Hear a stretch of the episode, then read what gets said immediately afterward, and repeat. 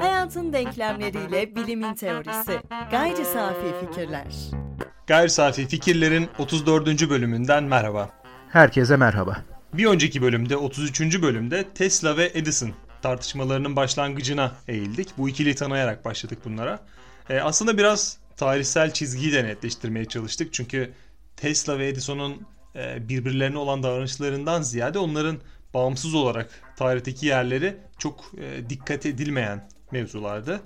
E, fakat geçtiğimiz bölümde son tarihte Tesla'nın kazandığı bir zaferden söz ettik. Bu zafer bilinçli yahut bilinçsiz gerçekleşmiş olsa da gerek modern dünyanın mimarı olması gerek de Edison'a karşı tavırlarıyla ortada bir zafere sahip olduğundan bahsettik. E, teknobilim ve günümüze geçeceğiz bugün e, teknobilimden bahsedeceğiz. Hatta sanayi devrimine dek götüreceğiz teknobilimi aradaki rabıtayı kurarak. Fakat Tesla'nın zaferinin bu e, teknobilime geçişte bize güzel bir zemin hazırlayacağını düşünüyorum. Çünkü e, onun soruları o zamandan e, çıkarabileceğim sorular bugünlere dek gelebilecek gibi geliyor bana. E, Tesla'nın zaferi, ufak zaferleri, Edison'a karşı büyük zaferi gibi bizim kullandığımız ve yaygın olarak kullanılan e, sözler de var. Aslında bunlar bir sınırlandırma. Biz de bunlardan bahsettik. Fakat Tesla aslında zaferler için çabalamıyor. E, dikkat edilmesi gereken ve odaklanılması gereken nokta bu. O evrende aradıklarında bir iş adamı anlayışıyla değil de bir bilim insanı anlayışıyla yani bir bilim insanı olduğuna hükmetmesek de onun anlayışının bir bilim insanı olduğunu söyleyebiliriz. Bunu da floresan lamba endüstrileri de e, satışa sunulmadan önce e, neredeyse 40 yıl önce kendisi keşfediyor. Keşfediyor mu onu bilmiyorum ama laboratuvarında kullanmaya başlıyor. Yani laboratuvarında 40 e, yıl sonra dünyada neredeyse e, aydınlatmada devrim olarak kullanılan bir aygıtı, bir aracı e, öylesine bir şeymiş gibi kendi işine yaradığı için kullanıyor. Bunu sunma, satma ya da pazarlama gibi bir dert gütmüyor. Burada tartışmalarda hep Tesla Edison ekseninde baktık ama Tesla'nın mucitlik yarışında yüzünün hiç gülmediğini de görebiliyoruz. Yani bu laboratuvarında e, kendisi floresan lambayı kullanmış derken bu madalyonun bir de öteki yüzü var.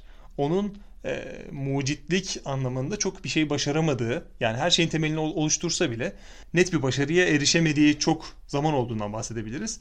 Belki de e, maksadının doğru anlaşılmamasıyla da ilgili olabilir. Bununla ilgili ilginç bir örnek var. Ford ilk motorlu aracı üretiyor ve e, Tesla ile bunun gösterişini yaparken tartışıyorlar. Tesla diyor ki bu aracı yapmışsın fakat bu kadar büyük bir motora ihtiyacın yok. Ford da diyor ki yani ben bunu yaptım sen benden iyi mi biliyorsun falan filan. E, Tesla'yı dinlemiyor. Bunun üzerine Tesla Ford'un tasarımlarını alıyor ve daha iyisini ararken ateşleme sistemini icat ediyor. Yani Ford'un kullandığı sistemin daha iyisini üretiyor fakat bunu kendi başına bir şeyleri üretip sunmaktan ziyade o tartışmayı kazanmak için yapıyor ve Ford'a bunu gösteriyor.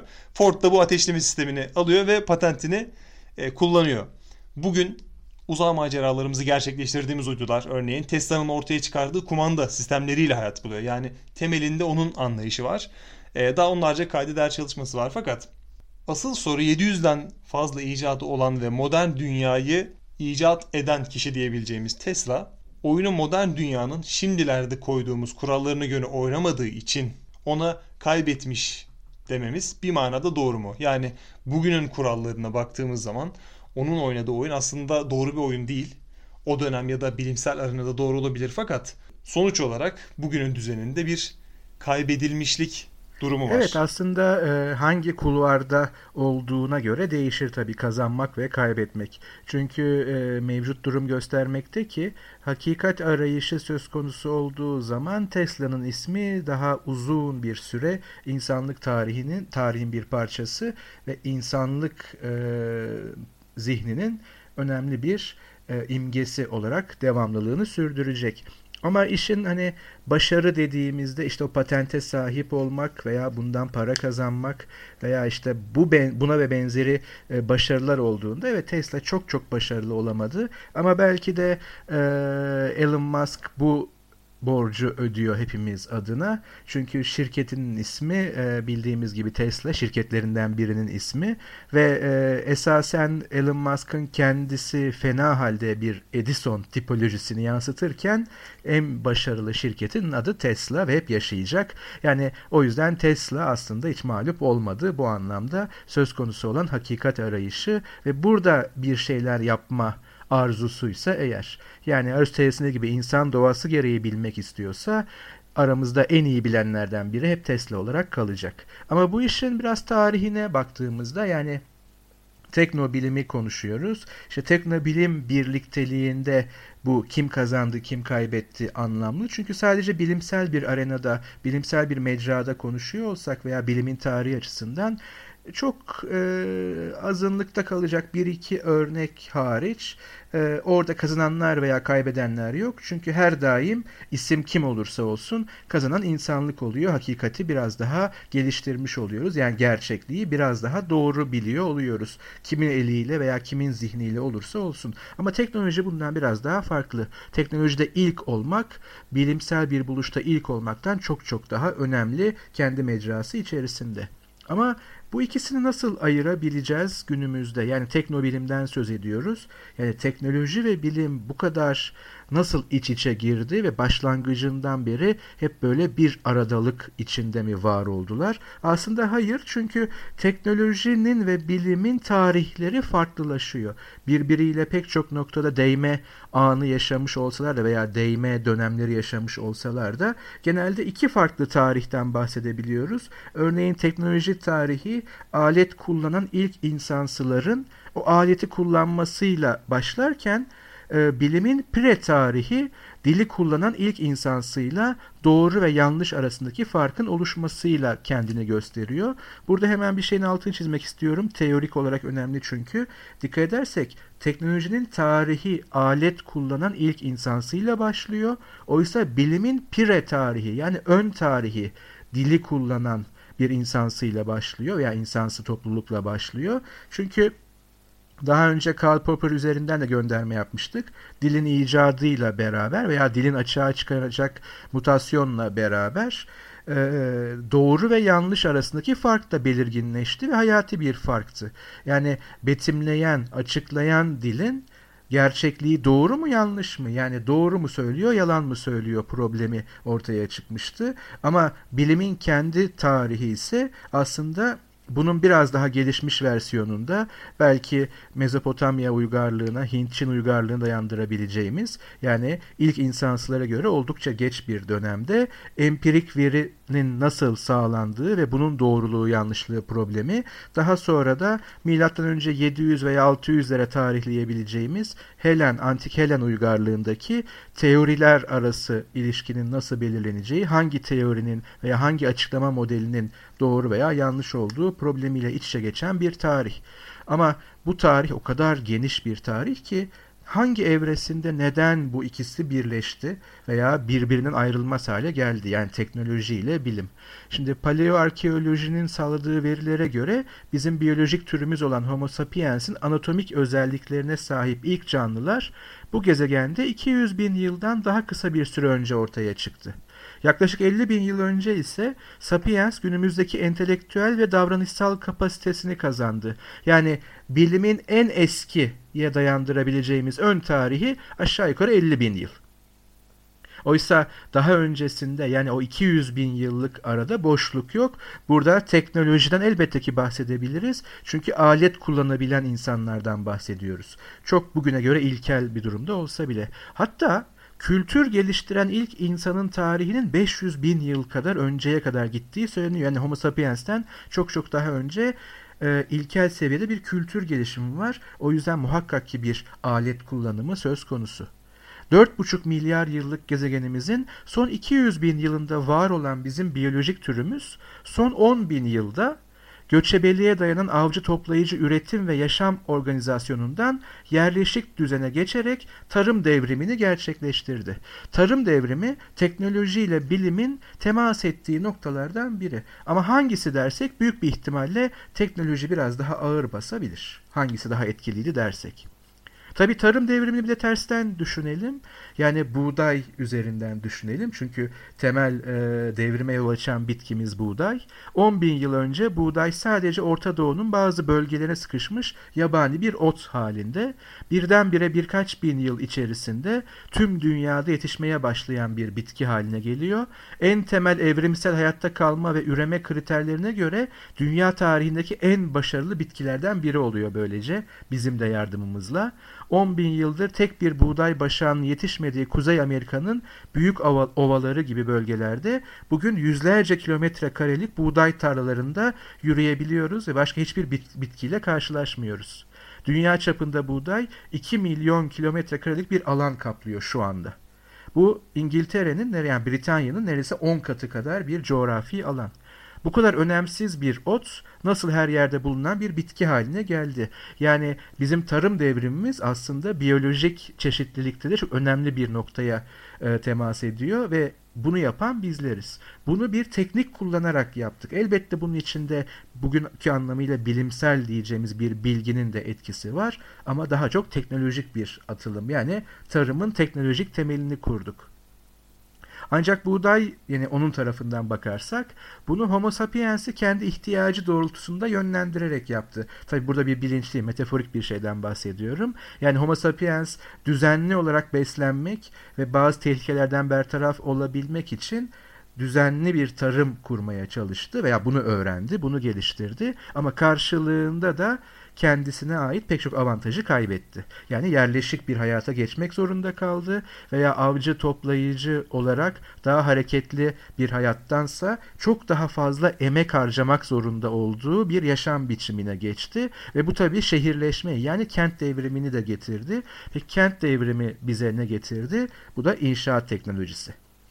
Buralarda yine bizim e, bilimin pre tarihi veya da artık bilimin tarihi diyebileceğimiz dönemin de içerisindeyiz. Yani kentleşmenin başladığı dönemler. Bunlar dikkat edersek Mezopotamya ve Mısır, Hint, Çin gibi uygarlıkların, yerleşik uygarlıkların kurulduğu dönemler. Ancak bu dönemlerde yani kentlerin kuruluşunda yani inşaatta e, kullandığımız şey yine yoğun bir şekilde teknolojik bilgi. Tam olarak burada bölmek istiyorum. Bunun sebebi de e, buğdayın aslında bizi bir noktada yerleşik düzene geçirdiğinden bahsettin. E, ve yerleşik düzene geçmemiş toplumlarda olan şey özgürlükken olmayan şey de düşünsel, e, fikirsel bir aktivite. Yani e, sadece hayatta kalabilmek, hayatını sürdürebilmek ve o günü geçindirebilmek için çalışan toplumlar aslında bizim şu an üzerinde felsefe olarak konuştuğumuz e, için bunu söyleyebiliyorum. Felsefe yapabilecek bir ortama sahip değiller. Yani aslında insanlık, insanoğlu kendi varoluşu için olumsuz bir hamle atarken bir yandan da felsefeyi ortaya çıkarıyor. E, bu da e, şu soruyu ortaya çıkarabilir. Felsefe e, aslında insan insana uygun olmayan bir aktivite olabilir mi? Çünkü biz e, madem buğdayı insanın e, varlığına ters bir e, sonuç ortaya çıkaran bir bitki olarak düşündük. Onun ortaya çıkardığı felsefe de aslında bizim yerleşikliğimizden ortaya çıkıyor gibi geliyor bana. Ee, eğer insanı hiç değişmeyen özselliğini ilk var olduğu andan son anına kadar koruyacak bir varoluş veya varlık olarak tanımlarsak evet ama gerçeklikte böyle değil. İnsan evrimsi, evrimleşen bir varlık. Hem biyolojik olarak hem kültürel olarak. O yüzden insan yerleşik hayata geçtiği zaman farklı bir insana doğru evrildi.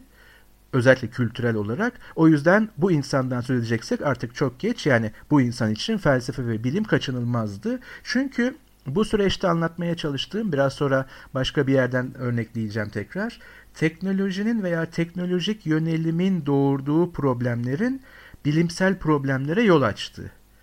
Çünkü biz tarım devrimiyle yerleşik hayata geçmeden önce bizim inşaatla ilgili herhangi bir problemimiz yoktu. Ya da daha da temeli bu yine teknoloji ve teknoloji ilişkisi gibi görülebilir. E, te, çünkü inşaatta temelde teknolojik bir bilgiye dayanıyordu en azından başlangıcında.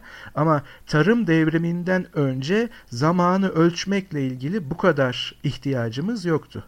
Özellikle mevsimsel zamanları ölçmek konusunda. Ne zaman ki biz tarım devrimini gerçekleştirdik, yani teknolojik bilginin doğurduğu bir dönüşüm yaşadık. Bizim artık yepyeni bir problemimiz vardı.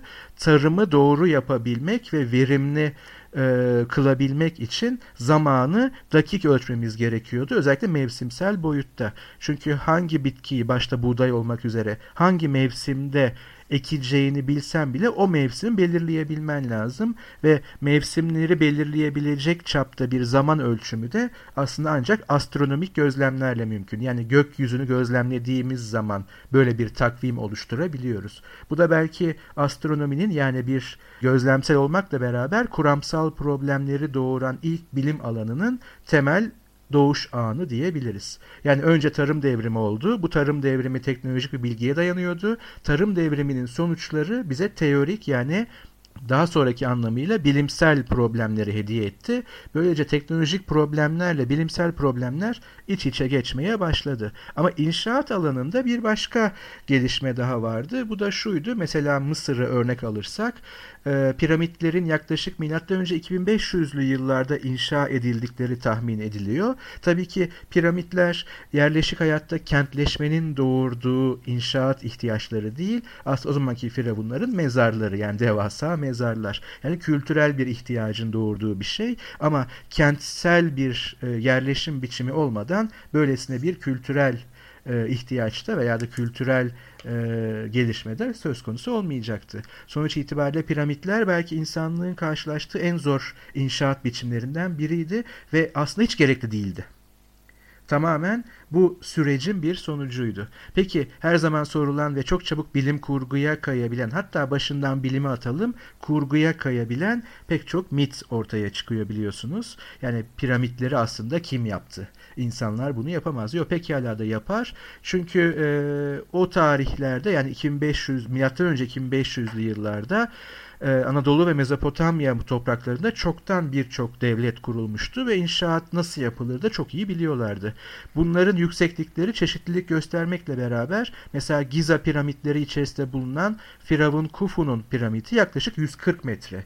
Yani o dönem içinde bugün içinde hiç fena bir e, yükseklik değil. Ve her gelen firavun kendisinden öncekinden daha yüksek ve daha ihtişamlı bir yapı e, inşa ettirmek istiyor. Bu yüzden çok ciddi bir challenge, bir meydan okuma söz konusu inşaat teknolojisi içerisinde. Ve unutmayalım ki e, Mısır'da kullanılan bu e, teknolojinin nesnesi kaya blokları ve bunlar iki buçuk ton her biri. Piramidin yeri de şans eseri belirlenmiyor. Hemen yakında bir kireç taşı kaynağının mevcut olması isteniyor ve aynı zamanda kendi kültürel ve dini inançları gereği astronomik olarak da bazı gökyüzü şekilleriyle paralellik gösteriyor. Yani konum olarak bunların hepsi hesaplanabiliyor. Buna hiçbiri gerekli değilken çok ciddi bir bilimsel bilgi gerektiren girişimler. Ee, peki kaç kişi bunun için çalışıyor bir piramitteki inşaat için? Burada tabii ki çeşitli rakamlar verilebiliyor. Çünkü bunlar tabii ki hesaplamalar, varsayımsal hesaplamalarla yapılıyor. Ama aşağı yukarı e, en yakını veya da en e, mantıklısı, akla yatkını 1200 kişilik inşaat ekiplerinin çalıştırıldığı, her bir taşı 20 kişi taşıyabiliyor ve bunu yapabilmek için de çeşitli düzenekler yani teknolojik araçlar kullanılıyor. Ve bu piramitlerin en zor inşasındaki konu e, gitgide yükselirken taşı daha yükseğe taşıyabilmek. Mesela burada hiçbir şekilde vinç veya benzeri bir şey kullanılmadığını biliyoruz. Burada piramitle beraber yükselen eğimli bir yüzey inşa ediliyor piramitin yanına. Taşlar bu eğimli yüzeyden taşınarak yukarıya doğru götürülüyor. İnşaat bittiği zaman da bu yan yüzey ortadan kaldırılıyor. Yani bugünkü iskelenin daha eğimli bir halini düşünelim. Bunların tamamı dikkat edersek teknolojik icatlar veya da o anki teknolojik problemi yani pratikteki bir problemi çözmeye dönük e, girişimler. Ama arkasında matematiği bulmak zorundayız hesaplamalar için ve matematikte belki ilk teorik girişimlerimizin dilini oluşturacak ilk doğru ve kesin bilgi verecek bizim alanlarımızdan biri, formel bilimlerimizden biri. Dediğim gibi aynı zamanda astronomik bilgiye dayanıyor. Ee, bununla beraber tarım bizden astronomik olarak takvimleri ve zaman ölçümünü istiyor ve böylece bilimle teknoloji artık çok daha yakın. Ama hala aralarındaki evlilik gerçekleşmedi. Ve bu evliliğin gerçekleşmesi için oldukça uzun bir süre, göreli olarak oldukça uzun bir süre beklememiz gerekecek. Çünkü birinci sanayi devrimine kadar yani 18. yüzyıla kadar bu evlilik gerçekleşmeyecek. Hep birbirine temas eden noktalar olarak kalacak tarihsel buluşma anları. Ama 18. yüzyılın son dönemlerinde ve 19. yüzyılın başında tamamen el ve kas gücüne dayalı ekonomik faaliyetlerin yerine makine gücüne bırakması ve teknolojik buluşlar sayesinde endüstri ve makine gücüne geçiş birinci sanayi devrimi olarak kendisini gösteriyor. Ama burada dikkat etmemiz gereken bir nokta var tarihsel olarak.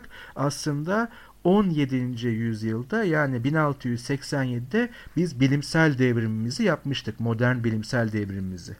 Dolayısıyla elbette ki 18. yüzyıldaki teknoloji devrimi diyebileceğimiz sanayi devriminde bu bir önceki bilimsel devrimin etkileri var ama doğrudan bir nedensellik kurabilir miyiz? Şüpheli.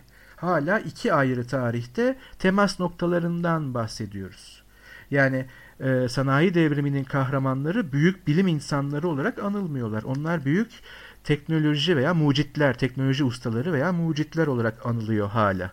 Elbette ki bilimsel bilgiyi kullanıyorlar ama problemleri teorik olmadığı veya teori üzerine yürümediği için bunlar hala işin praksis boyutunda ya teknoloji boyutta değerlendiriliyorlar. O yüzden biz daha önceki programda da işte Edison veya Tesla bilim insanı mıdır yoksa mucit midir ve bunlar farklı mıdır diye sormuştuk. 18. yüzyılda artık fark çok azalmış olsa bile hala bunlar iki ayrı alan birbiri ilişkili olmak üzere. Değişim bu 18. yüzyılda yaşanan değişim buhar gücünün kullanılmasıyla başlıyor. İngiltere'de kömürün yakılmasıyla üretilen buhar gücü ticari hayatta ve tekstil üretiminde kullanılmaya başlanıyor ve kas gücü yerine güçlü makineler devreye giriyor. Dikkat edecek olursak bunlar tamamen üretimle ilgili, insanın pratik hayatıyla ilgili problemlerin çözümleri ve içinde, çekirdeğinde yani DNA'sının o kökünde diyelim bir benzetimle elbette ki bilimsel yönelimi taşıyor. Ama kendisi bir bilim dalı değil, bir teknoloji dalı olarak kendisini gösteriyor. 19. yüzyıla geldiğimizde artık ikinci sanayi devriminden de bahsedebiliyoruz.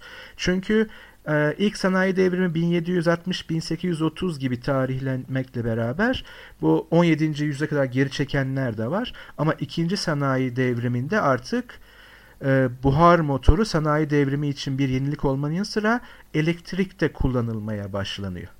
İşte bu aslında Edison'ların zamanı.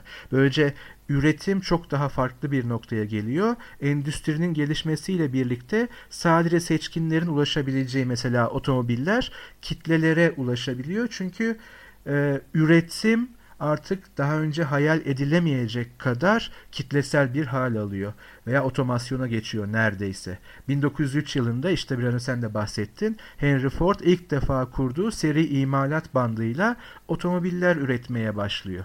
Bu devrim işte günümüzde Endüstri 2.0 veya ikinci endüstri devrimi olarak görülüyor. Üçüncüsü ile ise bunu biraz hızlı geçelim. Dijital devrim yani artık elektroniğin kullanımı söz konusu.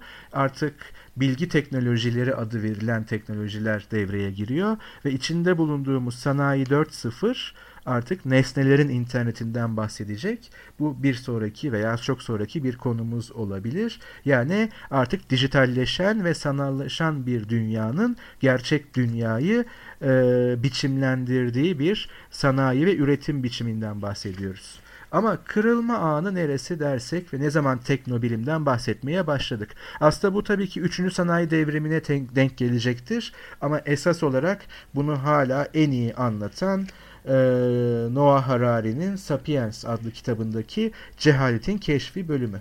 Şimdi orayı hızlıca hatırlatmak istiyorum. Bir İspanyol köylüsü bin yılında uyuya kalıp 500 yıl sonra Kolomb'un mürettebatının Nina, Pinta ve Santa Maria gemilerine binerken çıkardığı patırtı esnasında uyanmış olsaydı, dünya yine de gözlerine çok tanıdık gelirdi. Teknolojide, yaşam biçiminde, siyasi sınırlarda pek çok değişiklik yaşanmış olsa da bu orta çağ gezgini yine de kendisini evinde hissederdi. Buna karşılık Kolomb'un denizcilerinden biri benzer bir uykuya dalıp 21. yüzyılda bir iPhone'un sesiyle uyansa etrafındaki dünya tanıyamayacağı kadar yabancı gelirdi. kendi kendine yoksa burası cennet ya da cehennem mi diye sorabilirdi. Geçtiğimiz 500 yıl insan hakimiyetinin daha önce görülmemiş olağanüstü bir yükselişine tanık oldu. 1500 yılında dünyada yaklaşık 500 milyon homo sapiens vardı. Bugünse bu sayı tam 7 milyardır.